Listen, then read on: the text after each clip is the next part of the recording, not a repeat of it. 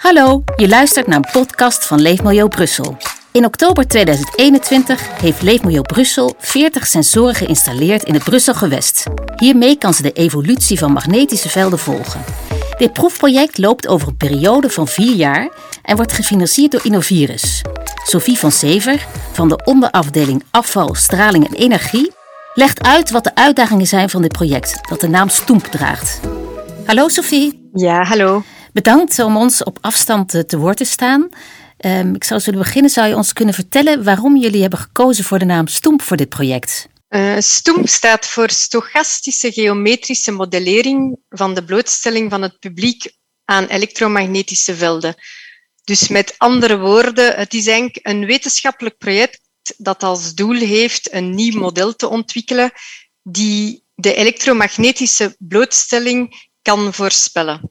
Daarvoor hebben we in Brussel sensoren geplaatst en zij kunnen de golven meten die worden uitgezonden door antennes afkomstig van mobiele telefoonnetwerken, maar ook de antennes die afkomstig zijn voor eh, radio en televisie.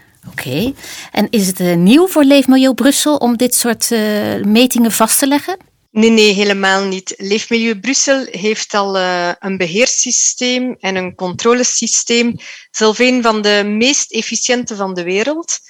Bovendien heeft het Brussels gewest een zeer strikte norm, dus we kunnen er wel van uitgaan dat de burgers bij ons zeer goed beschermd zijn. Zo worden er, voor wij het een milieuvergunning uitleveren voor een nieuwe installatie, worden er simulaties gedaan. Deze gaan kijken of die nieuwe installaties de norm wel gaan respecteren in alle toegankelijke plaatsen. En hierbij wordt er dan ook rekening gehouden met de bestaande gebouwen en de bestaande antennes. Eenmaal die antennes een vergunning hebben verkregen en geïnstalleerd zijn, kunnen we daarna ook nog metingen gaan doen op terrein om te zien of zij wel effectief de normen respecteren. En bovendien doen wij ook nog een drive-test jaarlijks.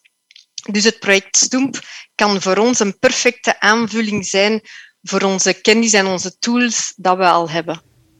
Oké, dat is heel duidelijk. Eh, jullie werken hiervoor met uh, eh, ULB en UC Louvain. Is dat een, eh, een troef voor Leefmilieu Brussel, die samenwerking? Ja, het feit dat we samenwerken in het kader van onderwerpen gerelateerd aan de bescherming van het leefmilieu en de gezondheid van de bevolking, is een troef voor iedereen. Uh, qua deskundigheid en kennis kunnen we elkaar enkel aanvullen. En uh, deze samenwerking kan ervoor zorgen dat Leefmilieu Brussel op de hoogte kan blijven van de nieuw, nieuwste ontwikkelingen en verder kan evolueren. Ja, en, en hoeveel van die sensoren hebben jullie dan in Brussel geïnstalleerd? We hebben 40 sensoren geplaatst, verspreid over een gebied van 4,5 vierkante kilometer in het zuiden van de hoofdstad, tussen de campus Solbosch, dus van de ULB, en het Jubelpark. De sensoren verrichten 12 metingen per dag en zij maken het dus mogelijk om in real-time de evolutie van de elektromagnetische blootstelling te monitoren. En zo kunnen wij ook verschillende cycli waarnemen, zoals bijvoorbeeld dag-nacht, week-weekend. En wij hebben zelf het effect van thuiswerken kunnen observeren. Ah ja, en, en dit project, eh, dit Stoemproject, hoe, hoe draagt dit eigenlijk bij aan de, aan de levenskwaliteit van de Brusselaars? Uh, eh, 5G zal in het Brussels gewest uitgerold worden, maar dat is een zeer complexe technologie. En wat voor ons dan ook zeer belangrijk is, is dat wij die technologie goed kunnen begrijpen.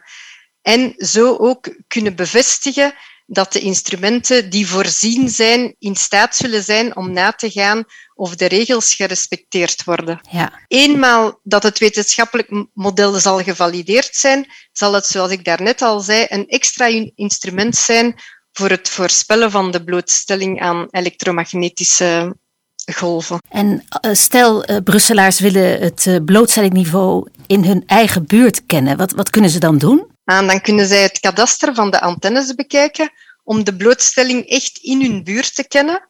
Maar het is ook mogelijk om het platform Observatoire des Ondes te consulteren. Daar vind je informatie over het niveau van de magnetische velden in real time.